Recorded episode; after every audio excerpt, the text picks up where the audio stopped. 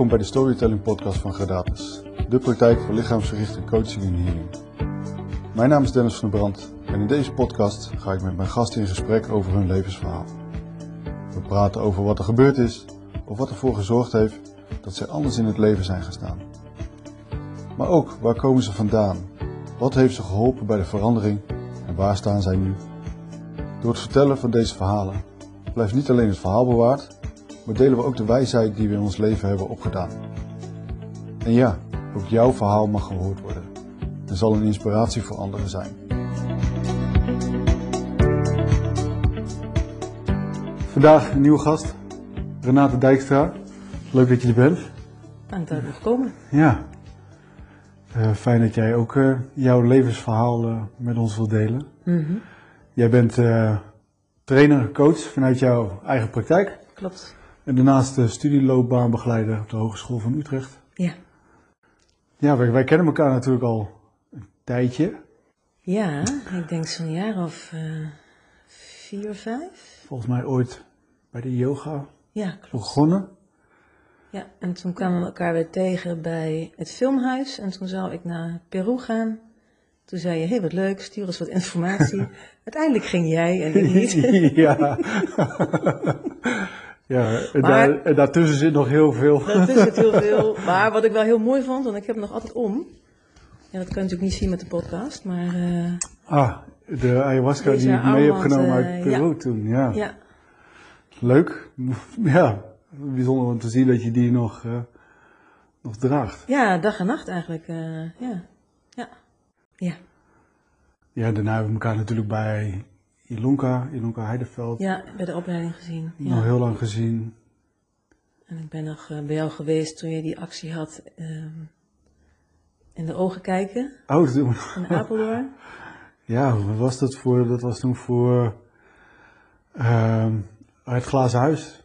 Toen Ja, heb ik nog die Ja. eh, dag in het winkelcentrum gezeten. Eh, waar mensen inderdaad voor mij konden gaan zitten en we elkaar alleen aan mochten kijken. ja, Eh, om zo eh, te voelen wat daar eigenlijk in gebeurt, alleen in oogcontact. ja, precies. eh, Ja. En nu jouw verhaal. ja, wat wil je weten? Ik wil alles van je weten. Nee, maar beginnen? ja, eigenlijk ook eigenlijk de vraag waar ik altijd mee begin. Van wat is er gebeurd of wat is het moment geweest in jouw leven waarop jij dacht van oké, dit kan niet langer of dit wil ik niet langer zo. Ik ga het, ik ga het anders doen. Ja, het is even lastig om één specifiek moment terug te halen, maar ik weet wel dat het een periode was ehm, waarin mijn vader eh, net was overleden en ik onafhankelijk overigens daarvan had besloten, want dat besluit lag al langer vast, om twee maanden een sabbatical te nemen. Om even pas op de plaats te maken en te bedenken van, goh, eh, hoe nu verder? Of niet eens misschien, maar in ieder geval even twee maanden rust. En in die twee maanden kwam ik erachter dat dat wat me echt blij maakt en waardoor ik echt geraakt word, dat dat heel weinig aanwezig was in mijn dagelijks leven. Hmm. Ehm, en dat was eigenlijk liefde, natuur en muziek. En vroeger heb ik heel veel met muziek gedaan. Maar ja, weet je, dan ga je studeren en dan ga je andere dingen doen en werken. En dan eh, gaat het een beetje naar de achtergrond. En in de natuur was ik eigenlijk ook niet meer. Terwijl ik eh, best wel een beetje ben opgegroeid in het bos. Ja, Ehm, dus ik dacht van jeetje, wat ben ik eigenlijk ver afgedreven van wat me blij maakt. En dat was wel het inzicht dat ik dacht, ik wil dat meer in mijn leven weer gaan verweven. Ehm, en dat was in die twee maanden. ja, Maar wat was daarvoor dat je bedacht van, hey, ik ben eigenlijk wel toe aan het sabbatical? nou ik had ook wel wat eh, twijfels in de relatie eh, met de, de vader van mijn kinderen eh, destijds. Ehm, ja, mijn eigen vader die dan overleden is. Dat ik dacht even, pff, en heel veel gewerkt en eh, ik dacht even, even twee maanden even genieten van een beetje vakantie en niks hoeven. Ja, Buiten dan de kinderen, want die waren natuurlijk toen nog wel klein. Maar in ieder geval dat je even tijd voor jezelf hebt. Om even andere dingen te doen dan alleen maar te rennen en te racen. ja. Ja. Dan kun je nog terughalen dan wat, dat, wat dan dat, nou ja, misschien wel het specifieke was van, ik snap, als je een aantal opstapelingen hebt op nou ja, veel werk, het overlijden van je vader, Mm. de relatie, eh, dan kom je dus op zo'n punt van, oké, nu besef ik in één keer dat het uh, te veel is. Ja, en dat ik andere keuzes wilde maken. Ik dacht, ja, toen was ik denk ik een jaar of 38. Ik denk, ja, ik heb de helft van mijn leven nog voor me. Ja. Ehm, en ik ben helemaal niet voor de voetbal hoor, maar nu je even een specifiek moment vraagt, weet ik het eigenlijk ook nog, nog wel. Uh, en dat was toen ik 35 werd. En toen lag ik in bed met een zes maanden oude, of zes weken oude baby eh, naast me. En ik dacht, ja, dan ben ik 35, ik heb twee gezonde kinderen, we hebben een huis, we hebben twee auto's voor de deur, goede baan. Is dit het nou? dat was denk ik meer het specifieke moment dat ik dacht, oh, hmm, ja. Uh, er mist wat, ik heb geen idee wat, maar dit is het niet. Ik denk dat dat eigenlijk, dat was dus wel een stuk eerder. Oké, ja. Uh, dat ik toen dacht van ja, ik ben niet gelukkig. Hmm. Voor het oog lijkt alles mooi. Maar ja, het plaatje klopte. Ja, alle, maar van binnen ben, mist er iets. Ja, ik, ik, denk dat het toen een beetje eh, begonnen is. Ja. Als we praten, dan denk ik dat dat zeker het moment is geweest, ja. ja, dus Isabelle, die kwam net een paar jaar daarna pas. Ja. Maar wat, wat miste je?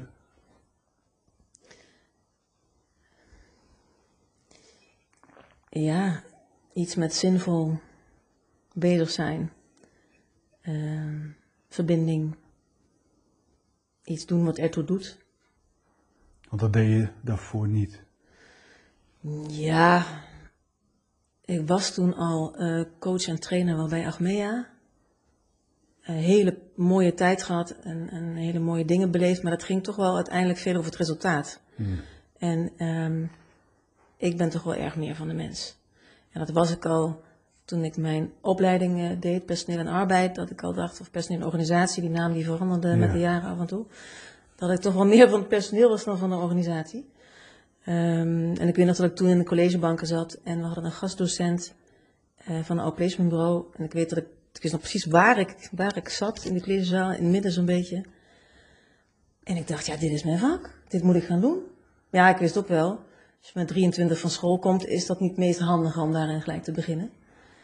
Um, ja, waarom niet? Nou ja, wat levenswijsheid is ook wel fijn. Weet je, als je als 23-jarige 40ers en 50ers gaat begeleiden uh, met wat stevige problematiek, zeg maar, anders dan gewoon, mm-hmm. ik vind het niet zo leuk in mijn werk, zeg maar, ja. Uh, is dat misschien niet zo handig. Dus dat was wel een soort inzichtmoment. Um, en op het moment hè, dat ik denk, ja, dus 35 was, was ik dat al aan het doen bij Achmea. Dus ik was zeker wel zinvol bezig. Uh, maar kennelijk miste er dus nog wat. Alleen had ik nu, toen helemaal niet precies door wat dan. En dat is in de jaren daarna is dat gaandeweg steeds duidelijker geworden. Ja. Met, uh, ja, met cruciaal punt uh, drieënhalf jaar geleden toen ik mijn rug heb gebroken. En ik letterlijk tot stilstand werd gedwongen.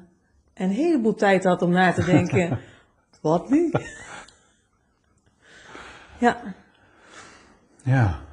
Maar ik denk als ik toen mijn rug niet had gebroken, was ik nu nog steeds aan het rennen en aan het racen en uh, meer dan voortaan werken om. Uh, dus jouw lichaam brood. heeft eigenlijk gewoon letterlijk gezegd van tot ja. hier en niet verder. Ja. En die signalen had ik blijkbaar eerder al eens in de wind geslagen. ga maar door, ga maar door. Maar uh, ja, toen uh, kon het even letterlijk niet meer. Dus het was 23 uur per dag stil liggen en vier keer een kwartiertje bewegen. Ja. Ja, een deel van die periode heb ik natuurlijk wel van jou meegekregen. Ja, ja want we, ik zat zo samen naar Peru en dat ging even niet door. Ja, dat was wel even... Uh... Een dingetje. Ja, even zo'n moment inderdaad dat je denkt van... Oké, okay, wat heb ik hiervoor gemist? Waarom, op welke signalen heb ik niet naar geluisterd? Uh, dat je dan inderdaad uh, dit soort dingen overkomt. Ja, die vraag heb ik me eigenlijk pas later gesteld. Want op het moment zelf ben je gewoon bezig met, uh, nou ja, dit is wat het is en hoe maken we hier het beste van. Um, maar toen is er dus ook wel ruimte gekomen om uh, uh, ja, wat meer andere wegen in te slaan en andere informatie op te zoeken. En ook werktechnisch gezien te bedenken, waar word ik nu echt blij van? Want trainingen geven vond ik heel erg leuk, maar je weet van tevoren ongeveer welk programma je gaat doen met, Ja. een groep. En er is niet heel veel ruimte om andere dingen dan te doen mochten die nodig zijn op zo'n moment. En ja, trainingen kon iemand draaien, want ik kan gewoon niet meer van 9 tot 3 voor een groep staan. Dus ik ben wat meer individueel gaan begeleiden. Ja, en noodgedwongen eigenlijk in het bos, want ik kan niet lang zitten. Dus het was, Ja. nou, dan, ik moet wandelen, dus dan ga ik maar in het bos wandelen met mijn coaches. En toen kwam ik erachter dat ik veel sneller, althans de coachie komt veel sneller tot de kern van het probleem. Ehm, hè, want als al je zintuigen in beweging zijn, dan gebeurt er natuurlijk op allerlei Ja, het wandelen werkt er, natuurlijk een- op een soortgelijke manier als EMDR. Eh, doordat je twee hersenhelften tegelijkertijd aan het werken zijn en je praat over de gebeurtenissen en, en je gevoel en emotie, dan wordt daar al een deel van verwerkt. Ja. Dus dat is ja, een hele mooie eh, vorm van coaching. Eh, Ja, en je kan in het bos natuurlijk zoveel dingen vinden om interventies mee te doen. ja. eh, die veel, Ja. ja.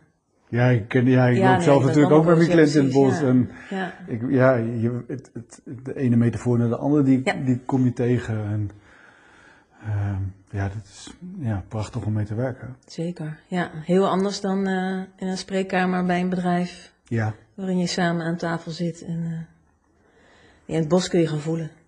ja, uit je hoofd en je lijf. En het, eh, ja, het lichaam liegt nooit. nee, en het mooie is, je kan natuurlijk gewoon lekker naast elkaar lopen. En je hoeft elkaar niet aan te kijken. Ja, of tot Dat is natuurlijk voor de stiltes die, die er zijn. Ja. Ehm, zijn lang niet zo erg als dat, als dat je die in de praktijkruimte hebt.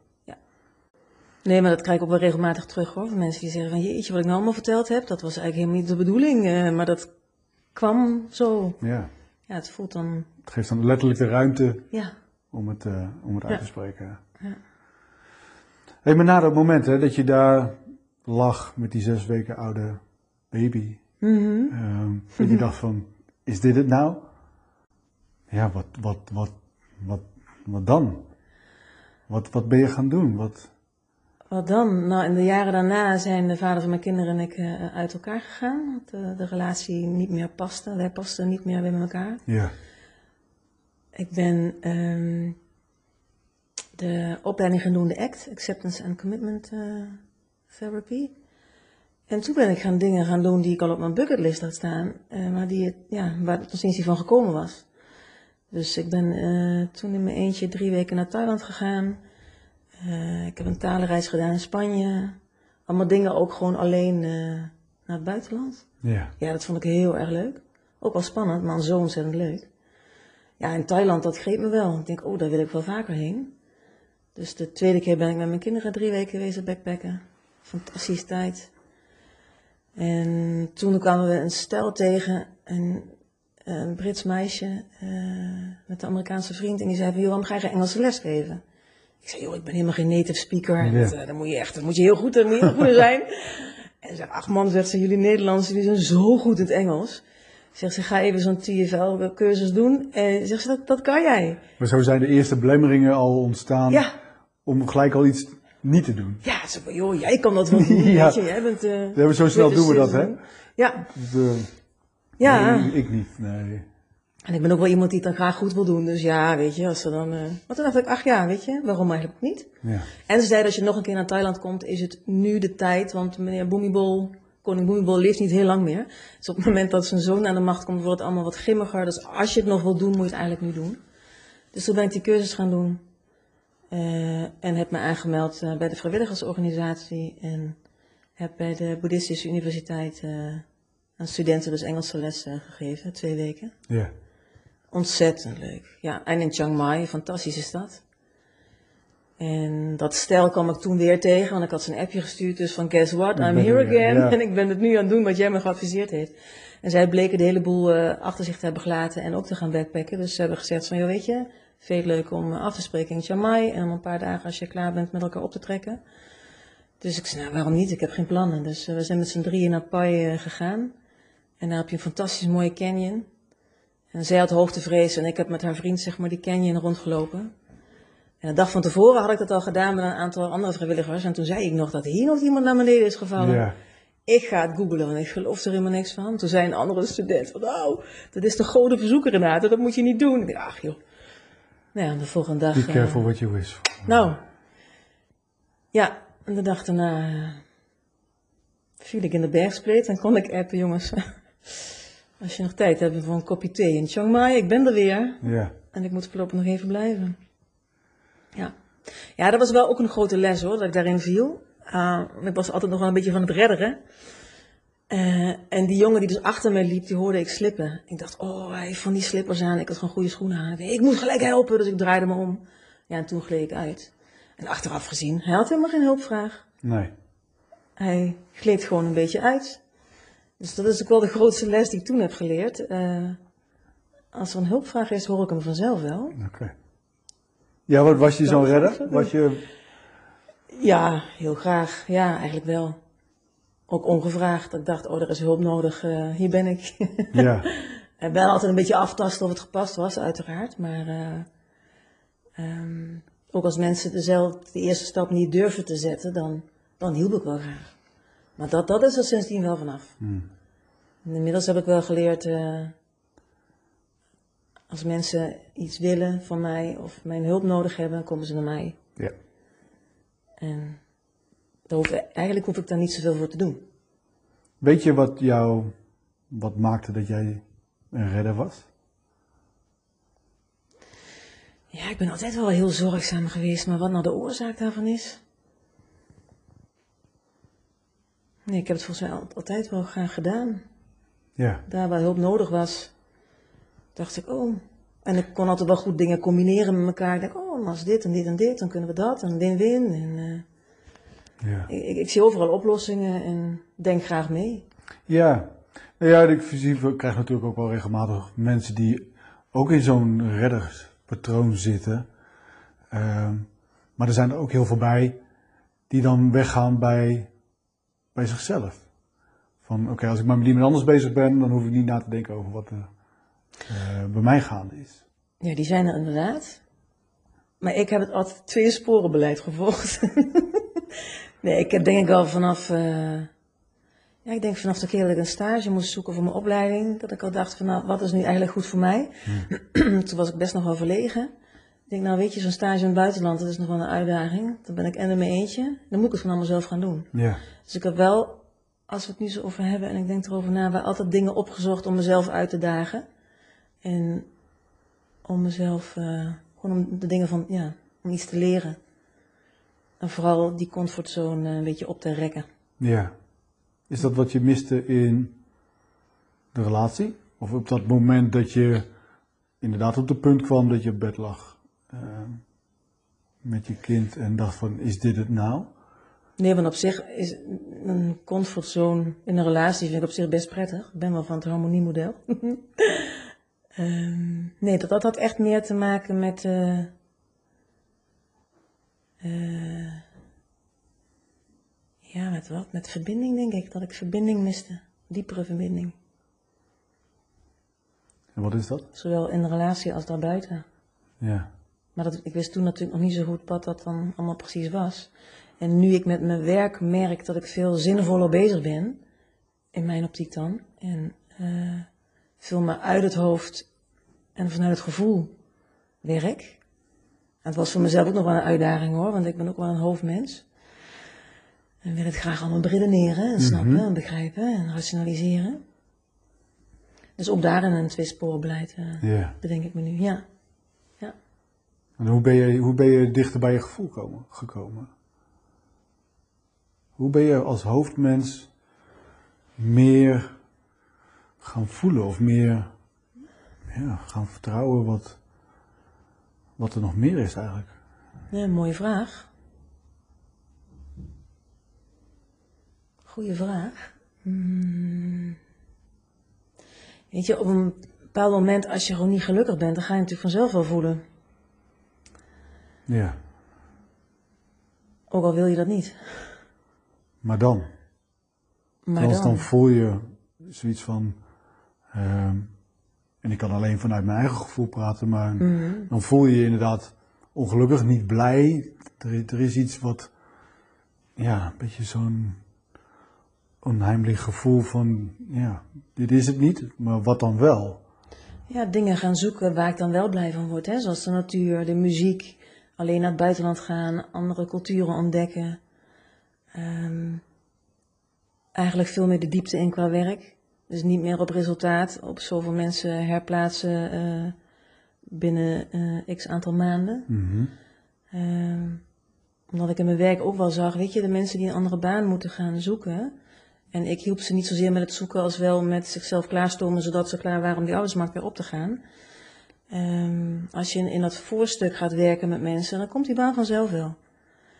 Ehm, maar goed, ik snap ook wel voor grote bedrijven, weet je, kostentechnisch Ja, ja. gezien, daar wordt natuurlijk op resultaat gestuurd. Ehm, dus dat was ook wel toen een punt wel dat ik dacht, nou, ik, ik moet gewoon, of moet, ik wil ook iets met mijn werk anders gaan doen. En dat was ook in de tijd dat mijn vader is overleden. Ja. Dat ik mensen hoorde klagen over het werk, denk ik, jeetje. Ja, we hebben het hier over werk, maar aan de andere kant zijn er nog zoveel andere dingen die zoveel belangrijker zijn. Ja, maar Dus hoe toen- heb jij dat dan gedaan? Hoe, hoe, hoe ben je- vanuit je hoofd in dat gevoel gekomen? Ja, dat hoe, dat weet ik niet precies, maar het was me toen wel duidelijk dat ik dacht, ik wil met een andere doelgroep gaan werken. Mhm. En studenten leken me altijd heel erg leuk. Maar ik denk, ja, ik moet eens even ervaren of ze ook wel zo leuk zijn als dat ik denk dat ze zijn. Ehm, dus toen kwam die talenreis in Spanje om de hoek kijken. Toen ben ik daar naartoe gegaan en ik ontdekte dat daar de twintigers zeg maar, met dezelfde problematiek worstelen als mijn veertigers en vijftigers in de trainingen. Faalangst, uitstelgedrag, perfectionisme, eh, ratio, dat soort dingen.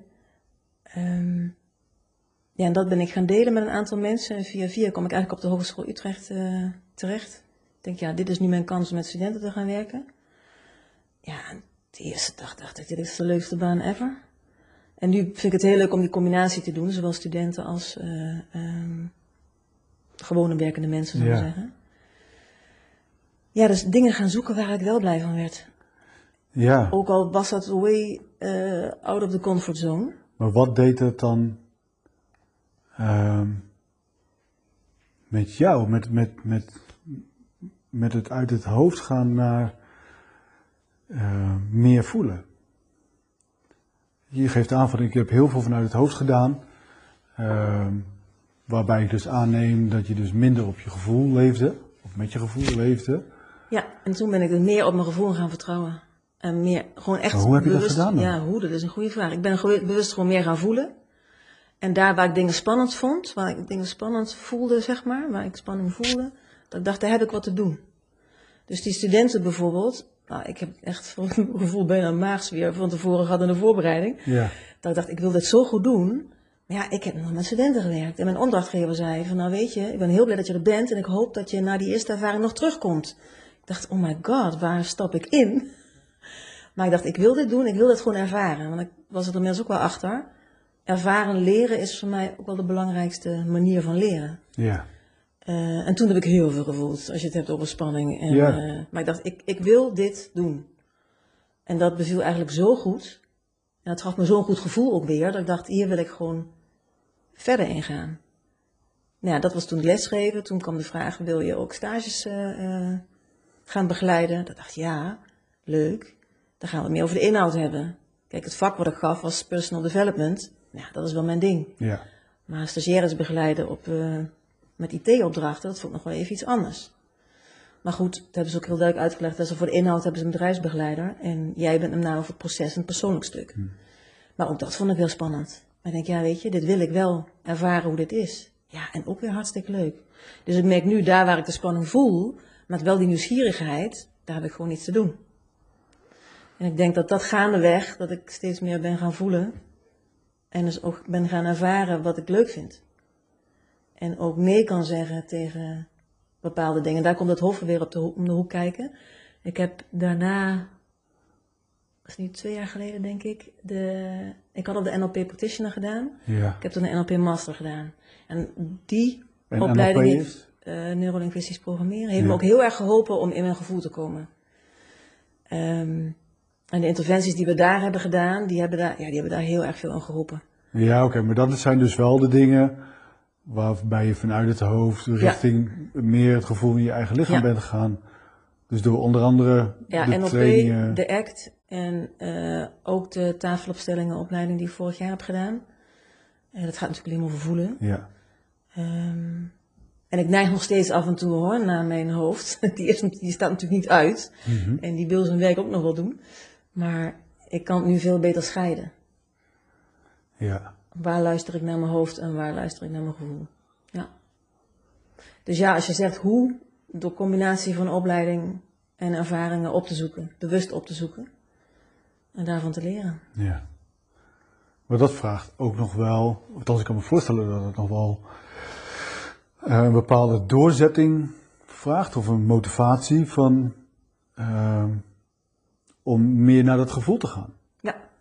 Daar ben ik gelukkig altijd heel leergierig geweest al en nieuwsgierig. En die combinatie is denk ik voor mij wel heel fijn om het dan ook gewoon te doen. Ja. Gewoon maar erin stappen en Ja, ervaren, precies. leren. Ja, en gaandeweg zijn opleiding denk ik dan weer, oh, waar ben ik aan begonnen? Moeten we examen doen? En dan zit ik maandenlang zit ik die stukken door te nemen. Ik denk, oké, dit ga ik dus echt nooit meer doen.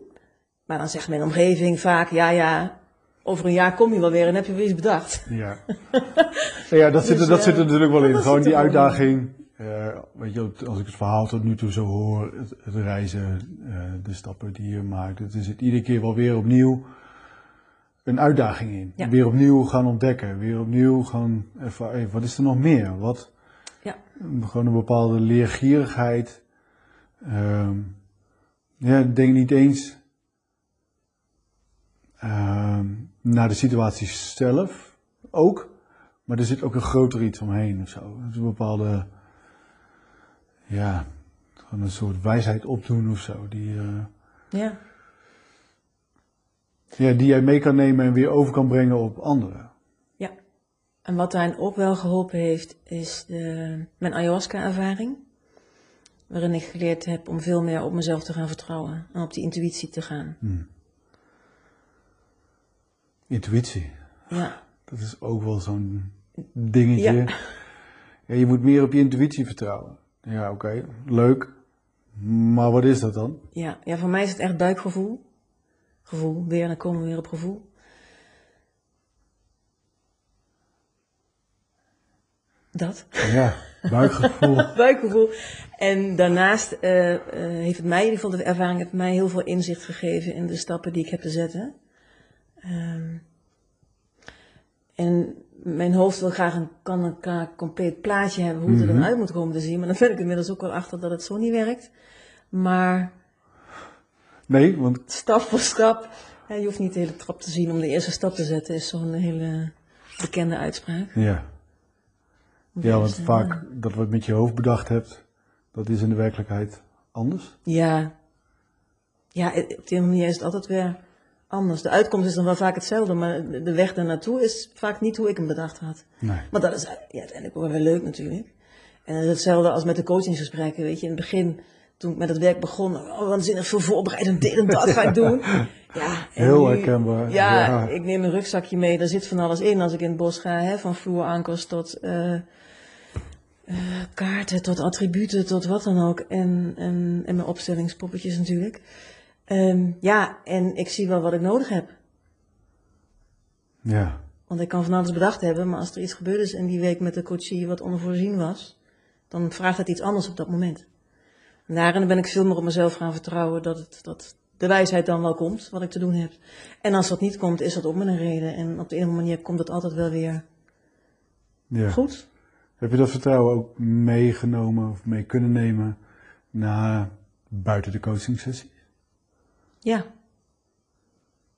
En in Ja. één keer gaan die ogen open van, ja, Ja, vrij Eh. recent eigenlijk nog. Ja, ja, nee, want ik had mij eh, vorig jaar, dan weet je, ook wel redelijk blind gestaard op een, eh, op een huis wat ik heel graag wilde hebben.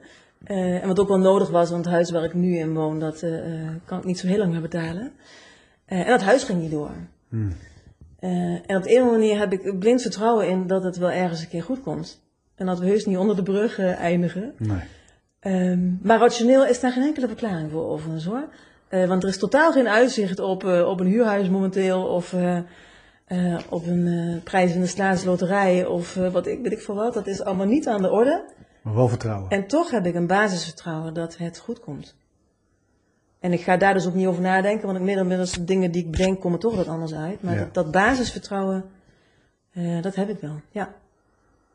Is ook niet van de een op de andere dag gekomen natuurlijk, maar dat... eh, Nee, ik kan me voorstellen dat dat ook nog wel de nodige stappen vraagt, of, of in ieder geval gebeurtenissen waar uiteindelijk je dus vertrouwen kunt halen.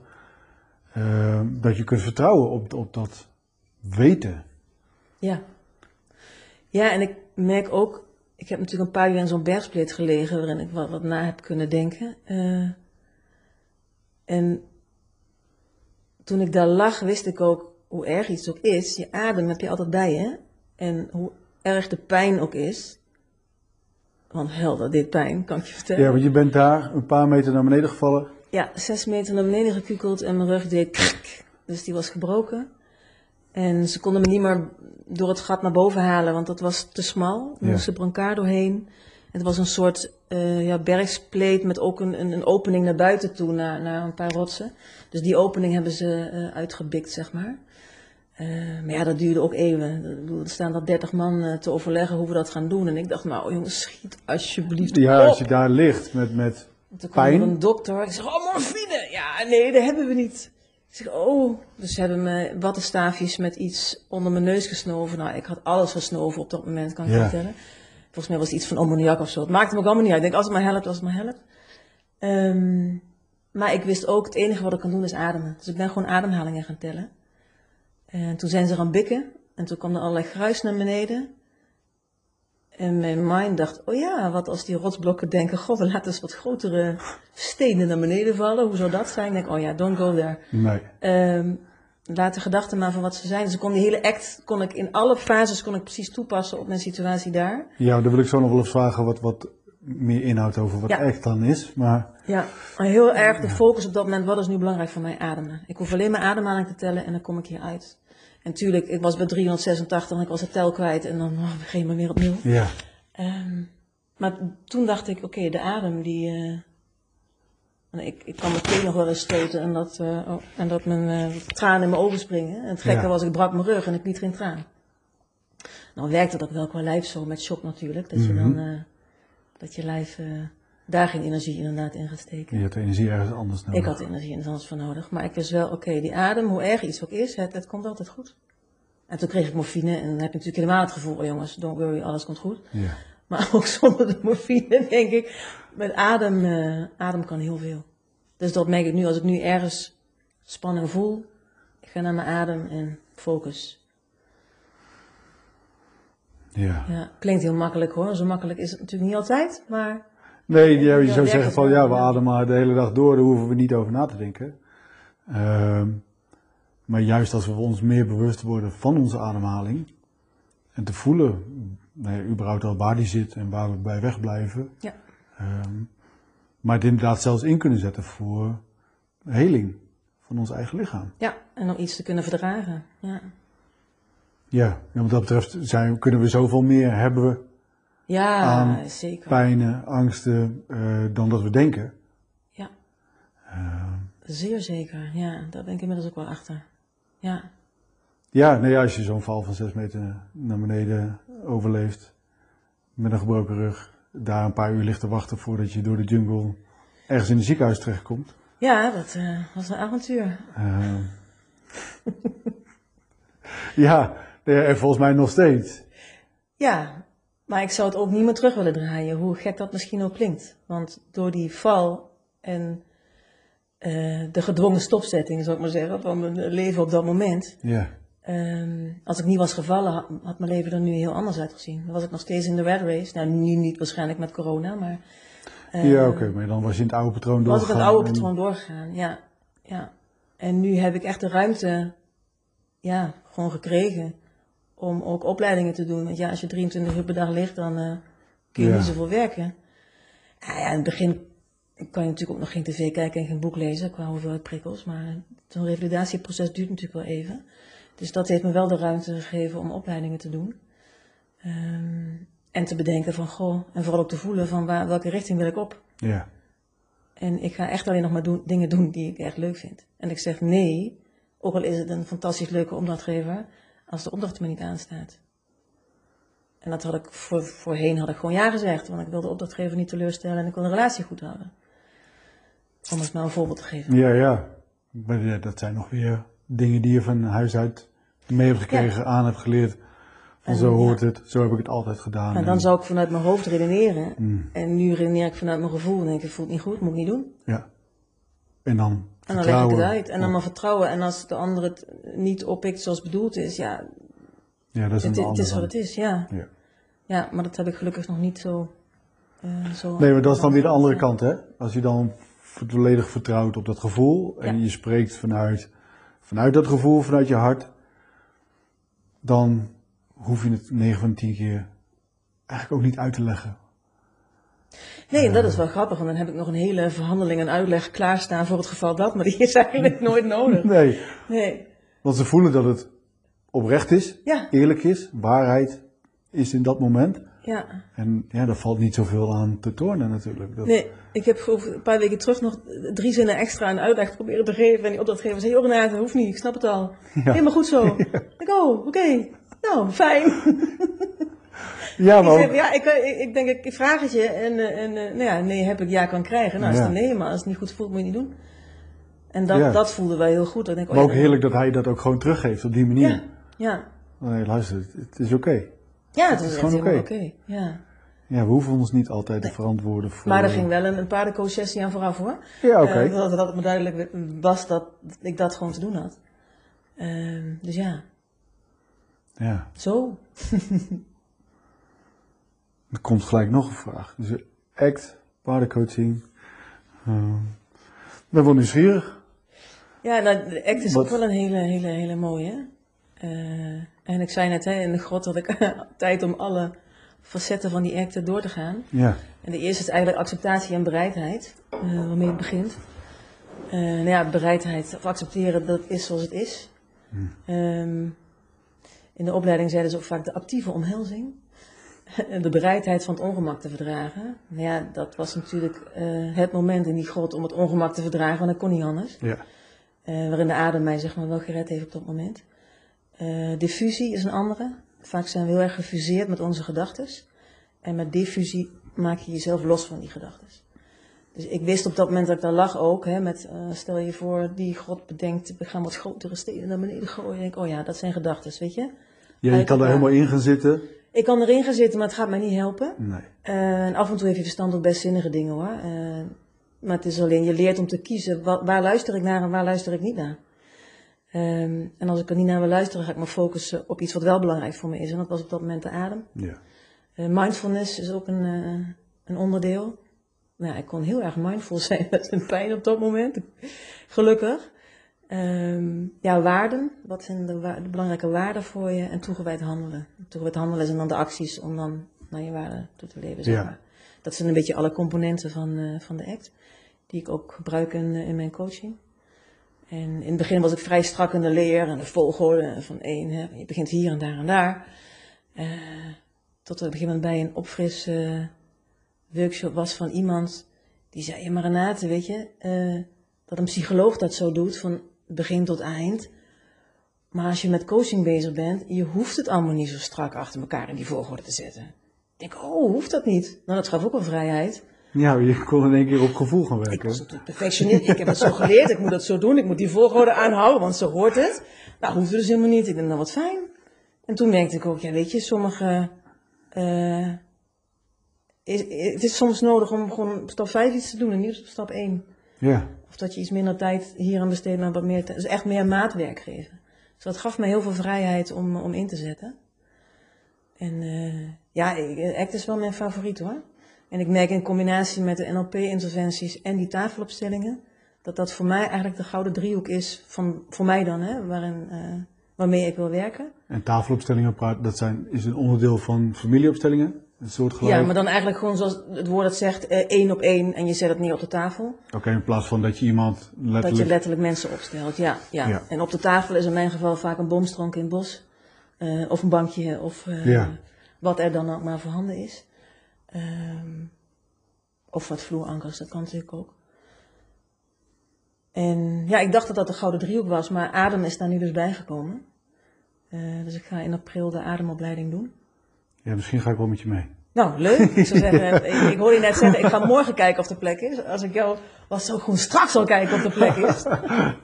Ja, ik merk gewoon, het komt de laatste tijd steeds vaker voorbij. En ik, Ja. merk, ik, ik heb zelf ook wel ervaren de laatste weken, maanden, wat ik, eh, en onder andere ook in ayahuasca reizen, eh, wat ik met ademhaling kan doen. Wat het ons kan, wat het mij kan brengen. Ja. En, en hoe ik anderen daar ehm, ja, ook mee zou kunnen ondersteunen in, in, tijdens coaching, coaching sessies of in Ja. healing sessies. En, Ja, ik heb Ja. er vorige week dus eentje gedaan, wat ik al, ik heb je al verteld. Eh, en er is zoveel, blijkbaar zit er zoveel opgebouwde spanning in mijn rug.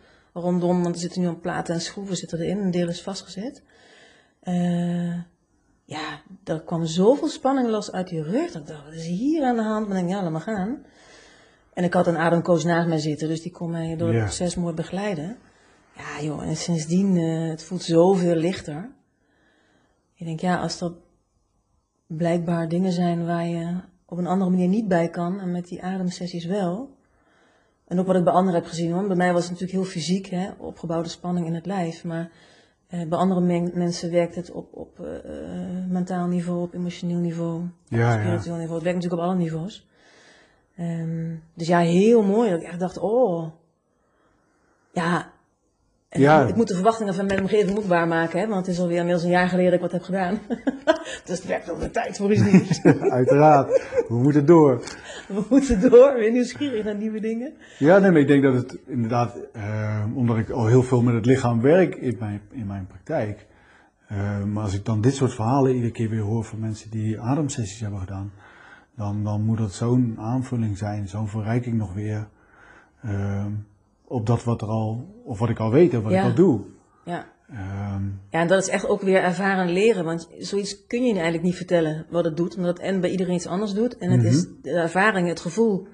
Ja, weet je, taal dekt gewoon de lading niet. Dat is hetzelfde als iemand vertellen hoe ayahuasca werkt, hoe een reis is. ja, dat is ook niet uit te leggen. is ook niet uit te leggen. En mensen die eenzelfde ervaring hebben gehad, kun je het wel een beetje vertellen en die kunnen zich er een beeld bij vormen. Maar het is, ja, het is, taal dekt de lading gewoon niet Nee. daarin. Nou, en dat denk ik. Ik ben altijd wel van mening als mensen, nou ja, ayahuasca-reizen hebben gehad, ademsessies hebben gehad, of, of zelfs coaching-sessies, waarbij ik na die tijd wel eens zeg van, eh, ga, maar, ga maar gewoon in stilte, weet je. Ik hoef niet te weten, of je hoeft niet te vertellen in woorden wat je ervaren hebt. Want woorden de- kunnen zo tekort doen aan, Ja. aan de beleving die je hebt gehad. Ehm, ja, blijf alsjeblieft bij, bij die beleving. Ja. In plaats van dat, dat je met je hoofd woorden gaat bedenken. Want dan ben je ook weer weg bij dat gevoel. ja, klopt, dan zit je weer in je hoofd. Ja. Toen bedenken aan een paardencoachsessie die ik voor mezelf heb ge- gedaan eh, vorig jaar. Ja, probeer maar eens een gevoel te omschrijven. Ja, nee, maar Ja. inderdaad, daarna, eh, hè, toen iemand vroeg, wat, wat, wat, wat, wat, wat, wat was dat dan? Hoe ging dat dan? Ik denk, ja, ik kan wel beschrijven wat zo'n paard op dat moment doet. Maar het effect daarvan op mij en het effect op het paard en die wisselwerking, ja, dat, Ja. dat is niet uit te leggen. Of mensen kijken je glazen aan, zo van, ja, ja. Dan denk ik, oh ja, ik moet het helemaal niet uitleggen. Ik Weet moet je- gewoon zeggen, jongens, mensen, als je het wil ervaren, ga het gewoon zelf Ja, ja. ervaren. Ehm, ja. Ja, ja, dat, is, dat is het mooiste. eh, dat je gewoon de uitwisseling die je daar voelt. En daar Ja. gaat het om. Die ervaring. Dat je, ja, Ja, en zeker bij zo'n paard. Je hoeft maar even van je lijf in je hoofd te schieten. Of je merkt het gelijk aan het paard. ja. Het was echt... eh, ik had het nog zelf niet door. En het paard begon te bokken. Dus voor mij. Of een beetje zo te springen. En ze zei van, ja, die coach, je zit even in je hoofd, hè? Ik denk, oh ja, verrek. Ja, dat is waar ook. Ja, ze zei, ga maar weer, ga maar weer naar je gevoel. Ja, het paard werd ook gelijk rustig. ja. En eh, En hoe mooi is dat je dan gelijk zo'n spiegel krijgt. ja, van hoe de buitenwereld eigenlijk op jou reageert. Ja, en eigenlijk tegelijkertijd, als ik dit zo benoem, dan denk ik, oh ja.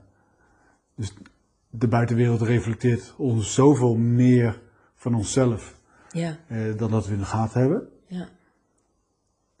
Eh, en waarschijnlijk helemaal in deze periode, die COVID-periode, van dat we met elkaar thuis zitten, niet weg kunnen, geen uitvluchtwegen. En hoe reageren we op elkaar? Mhm. En wijzen we naar de ander omdat hij iets doet? Of gaan we bij onszelf te raden omdat we een reflectie van onszelf zien? Ja, dus je kan bedenken, wat is mijn rol hierin eigenlijk? Ja. En als ik dus naar mijn gevoel ga, wordt de ander, gaat hij dan ook anders reageren? Ja. Ja, dat gun ik eigenlijk iedereen, dat iedereen uh, bij zichzelf te gaan. Wat is mijn rol hierin? ja, en op zich zou dat natuurlijk een hele mooie zijn. En, en merk ik ook, en ik heb steeds vaker, uh, ook in de, in de podcasten, maar ook mensen om me heen die veel meer uh, al met gevoel en bewustzijn bezig zijn. Van waarom, waarom wordt ons dat niet geleerd? Wat maakt dat we op school geen onderwijs krijgen of niet gepraat wordt over, over dit soort dingen? Over gevoel, over communicatie, over... Komt nog wel, denk ik hoor, maar dat, dat duurt even een tijdje. Uh, voordat het onderwijssysteem uh, daarop afgestemd is. Ja, ik moet wel zeggen, als ik nu kijk wat mijn kinderen meekrijgen nu op de middelbare school. En wat wij in onze jaren vroeger hebben meegekregen, daar is wel, wel verschil um, in.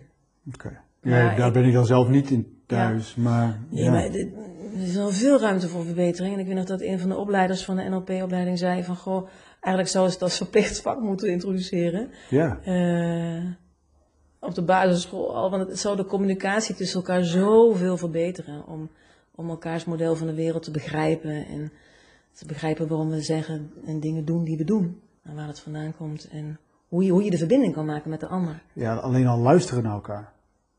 En, Ja. en accepteren dat jij een andere waarheid hebt dan ik. Ja. Maar dat het niks afdoet aan jouw waarheid. Of dat, Precies. dat- ja. Ja. En misschien zelfs wel een opening aan mij kan bieden. Een ander perspectief van, oh, maar zo heb ik er niet naar kunnen kijken. Of, of ja, durven kijken misschien wel. Ja. ja, luisteren is wel een dingetje. Ja. Ja. Talking sticks zouden daar ook een heel erg eh, behulpzaam kunnen zijn. Ja, Ja. Ja stick en dan gaan we al richting het shamanisme. Ehm, Oh ja, ja, dat is wel grappig. Ik kende de talking stick al voordat ik met shamanisme... Oké, Weet je wel? ja, We hebben ooit een keer een training, we hebben een teamtraining gehad, eh, waarin de opleider ons toen de talking stick heeft gegeven. maar even voor de, voor de luisteraars, Ja, voor de mensen die niet weten ja, wat een talking ja, stick een talking is. stick eh, eh, is een hele mooie talking stick, ja. Een stuk hout kan het zijn of wat dan ook.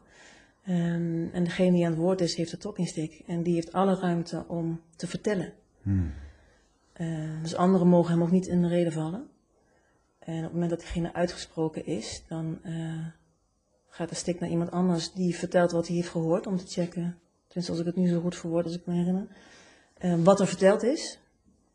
Eh, en dan mogen er vragen gesteld worden. Ja, Maar het dwingt je dus echt om te luisteren, om samen te vatten, om te checken of je begrepen hebt wat de ander heeft gezegd, dat er echt inderdaad geluisterd wordt. ja. En het is dus niet zo dat de ander gelijk eh, de talking stick pakt en zegt, ja, maar ik vind, weet je, dat is net niet de bedoeling, want dan luister je nog niet naar elkaar. Dan zijn ze alleen maar aan het wachten van, wanneer mag ik die talking stick en dan kan ik Ja. vertellen wat ik wil. Ja, zo werkt het natuurlijk niet. Ehm, ja, die talking stick die is natuurlijk al eeuwen oud. En volgens mij hebben ze ooit op de Verenigde Staten daarmee zo opgezet. ja dus hebben we daar eh. Ja, dat ze de zeker gebruikt in, eh, in, in eh, gevraagd hebben om advies. Ja, Dus, en ik moet zeggen, bij, bij mij in de huiskamer ligt die gewoon, eigenlijk gebruiken we hem niet. Toevallig vorige week eh, dat mijn kinderen elkaar een beetje in de haren vlogen. Dat eentje zei, talking stick, talking stick. En ik, oh ja, we hebben hem nog.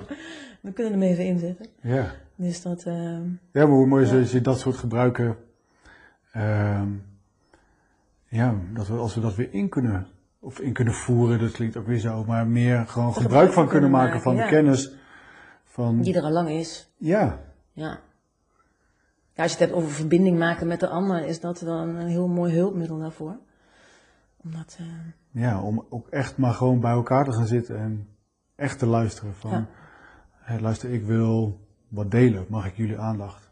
ja, zonder dat je in reden gevallen wordt of dat iemand anders het beter weet. Ja. Of dat iemand anders... eh, En geen adviezen, geen, geen coaching of wat dan ook, maar gewoon luisteren. En het is prima om te reflecteren van wat je gehoord hebt en wat het met jou deed. En, eh, Ja, maar soms wordt er helemaal niet gevraagd om oplossingen. Soms nee, wordt er alleen maar gevraagd om... ik wil alleen maar even mijn verhaal kwijt. Ik wil Ja. alleen maar even delen. Ja. Even, eh, Ja, ja. dat was ook als we die hulpvraag hadden en mijn geredder van vroeger.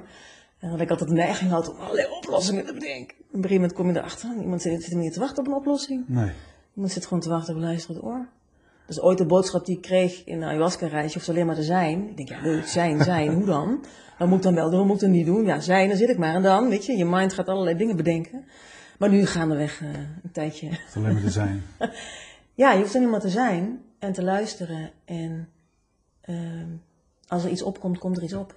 En is er Ja. iets te doen. En als er niets opkomt, dan is er dus kennelijk alleen dat wat is. Dan hoef je ook niks te doen. Dus je hoeft alleen maar te reageren op wat zich En te kijken en te luisteren en je zintuigen gebruiken. Ja, Ja, en daarmee kunnen we dus heel veel leren. Alleen maar te luisteren. Wat eigenlijk ook onderdeel is natuurlijk van deze podcast. Van we delen verhalen. Je luistert naar het verhaal van iemand anders zonder Ja. dat je daar iets mee hoeft, iets moet. Maar als je er iets uithaalt, ja je neemt mee dat wat je er mee van Ja. wilt nemen. En dan kun je misschien zelfs wel tien keer naar dezelfde luisteren en tien keer iets anders horen. Ja. Ja. Ja, iedereen filtert de informatie natuurlijk ook anders. Ja, Ja, maar dus al- door alleen maar te luisteren naar verhalen van anderen kan het informatie geven ja, ehm, voor jezelf. ja. Nog meer spannende vragen. Nou ja, ik zit even te voelen. Even te denken van. Ja, het voelt ergens ook wel. ehm, ja, richting, richting het eind. Richting. Ik weet niet, ik heb zo niet nog een hele prangende vraag van. Vertel daar nog eens over, of dit wil ik nog van je weten. Of... Oh, daar ben ik er nog wel in. Ja? Ja, maar ik weet niet of je die misschien nu al in een eerdere podcast hebt verteld. Dat weet ik eigenlijk Geen niet. idee. Maar wat heeft jou ertoe gebracht om deze podcast op te nemen? Ja, daar is, daar, daar is wel een paar maanden overheen gegaan. En ik wil daar graag antwoord op geven. Maar wat ik eigenlijk nog veel mooier zou vinden, is als we dit een keer omdraaien. Dat jij mij interviewt over mijn Oh, ja. verhaal. Mhm. En dan gaat het antwoord hierop eh daar zeker in komen. Oh, dat vind ik wel een hele mooie. Een, aflevering podcast over jezelf. Ja, Ja, nou leuk. dat ik mijn levensverhaal daar vertel. Leuk. Eh, en dan zal ik daar ook vertellen hoe ik uiteindelijk gekomen ben tot deze podcast. Had je dit al bedacht Eh, of komt het gaandeweg? nee, dat komt nu op. Oké, grappig. Dat is, ja. nee, dat had ik ook niet bedacht. Maar ik denk als ik jou zo de vragen hoor stellen, denk ik, oh ja, ik ben al wel op zoek, of in gedachten al op zoek geweest naar mensen van, denk van, oh, wie zou eigenlijk mij kunnen interviewen? Ehm, want het is leuk dat ik andermans verhalen deel. Ehm, Maar je hebt zelf ook Maar ik heb zelf ook zo'n verhaal. Ja, ik kom ook ergens vandaan, ik heb ook genoeg meegemaakt. En ehm, ja, dat heeft me ook gebracht tot waar ik nu ben. ja. En eh, ja, Nou, gaan we doen. ik wil het ook wel graag, eh, graag delen, ja. Luisteraars, er komt binnenkort een aflevering. ja, ja, Dennis in zeker. de hoofdrol. Ja, leuk. Nee, maar in het kort inderdaad, deze podcast eh, gaat over levenswijsheid. Ehm, bij het luisteren, het gaat over erkenning, herkenning, inspiratie. Ehm, voor mensen die op zoek zijn naar een volgende stap. Of misschien is dit wel de eerste stap in persoonlijke ontwikkeling. Ehm, maar ook van wat is er eigenlijk allemaal op het gebied van persoonlijke ontwikkeling. Weet je, je hebt zoveel. We hebben het al over meditatie gehad, mindfulness, NLP, ACT, eh, paardencoaching, familieopstellingen. Dat zijn er maar een paar. Ja, en ik kan me ook voorstellen dat sommige mensen door de boom het bos niet zien en daardoor niet in beweging komen. Ja, en, En dat is ook daarvoor jammer. Dan kan dit mooi bijdragen Precies, als jij ja. je herkent in dit verhaal. Dat je denkt, oh, iemand anders heeft het op deze manier gedaan. Renate heeft dit en dit gebruikt. Oh, misschien is dat voor mij een richting om ehm, te gaan zoeken. Of om te gaan kijken van wat is daar. En daarin ook ervaren te leren. En je kan iets gaan doen waarvan je denkt, hmm, hmm, dat van tevoren had geweten. Maar dan weet je dat ook weer, weet je. En dan Ja. ga je gewoon weer verder. Nou ja, en zodoende deel ik ook de dingen die benoemd zijn, gewoon onder de podcast of op mijn eigen Ja. website. Want dat je al vrij snel door kunt, ehm, door kunt klikken naar, naar andere informatie. Ja, want voor iedereen past natuurlijk wat anders. En niet elk iets is voor iedereen, eh Nee, bij iedereen. Ja. en ik weet niet hoe het met jou is, maar ik wil ook niet iedereen helpen. Ik kan niet iedereen Nee, helpen. En nee. je moet echt wat dat betreft op zoek gaan naar een coach, iemand die aansluit bij, bij jouw behoeften. ja. Zeker. Ja, want niet iedereen past bij iedereen. En niet elke methodiek past bij iedereen. En ik denk ook, ik weet niet of jij zelf toen ook wel een keer van geschrokken bent, maar dat was toen een uitzending via Rambam of zo over, eh, over de coach. dat het geen beschermd Ja, is. ja, dat En- iedereen zomaar Oh. zichzelf coach kan noemen. Ja, En ik hoorde daar dingen vertellen dat ik dacht, oh, en onze, in, in onze appgroep van onze collega's was het heel druk. Zo van, oh nee, dit geloof je niet, dit, dit kan niet, dit, dit. Ehm, ja, ik denk ook een goede coach die moet ook weten wat hij niet kan. En Ja. doorverwijzen daar waar het nodig is en heel goed weten wat wel binnen zijn werkveld past. ja. en niet. daarvoor ook, inderdaad, eh, heb ik gewoon een netwerk om me heen met mensen waarvan ik weet van waar zij voor staan. En Ja. eh, als ik denk van, oké, ik kan op dit gebied jou niet helpen, kan je hey, doorverwijzen. dan kan ik wel doorverwijzen naar iemand anders waarvan ik denk van, hey, die kan jou waarschijnlijk wel helpen. Ja, ja. ja, ja. Maar voordat we helemaal eh, de rollen om gaan draaien vandaag, ehm, ja, kan ik eigenlijk niks anders dan je bedanken voor Ja, het delen van, van jouw verhaal. Deels wist ik natuurlijk al wel van jouw verhaal, maar ja. andere stukken eh, niet. Mooi om weer wat meer van jou eh, te horen. Ik ben benieuwd naar het eindresultaat en naar alle afleveringen die nog gaan komen. Ja, het blijven, eh, blijven lekker volgen. En, eh, want er staan er nog een aantal op de rol, dus eh, Ja, leuk. Nou, succes met alles wat je nog gaat doen. dankjewel. Jij bedankt voor je verhaal. Graag gedaan. Dit was wederom weer een boeiend levensverhaal, waar ik met veel bewondering op terugkijk. Wil je nu na het horen van dit levensverhaal meer weten over persoonlijke ontwikkeling of wat ik als coach voor jou zou kunnen betekenen? Kijk dan op de website van gradatus.nl. Hier kan je ook jouw vragen en review kwijt, of je aanmelden voor de nieuwsbrief om als eerste op de hoogte te blijven van een nieuwe podcast. Mijn naam is Dennis van der Brand. Ik bedank je voor het luisteren en zie je graag weer bij het vuur voor een nieuw levensverhaal. Aho.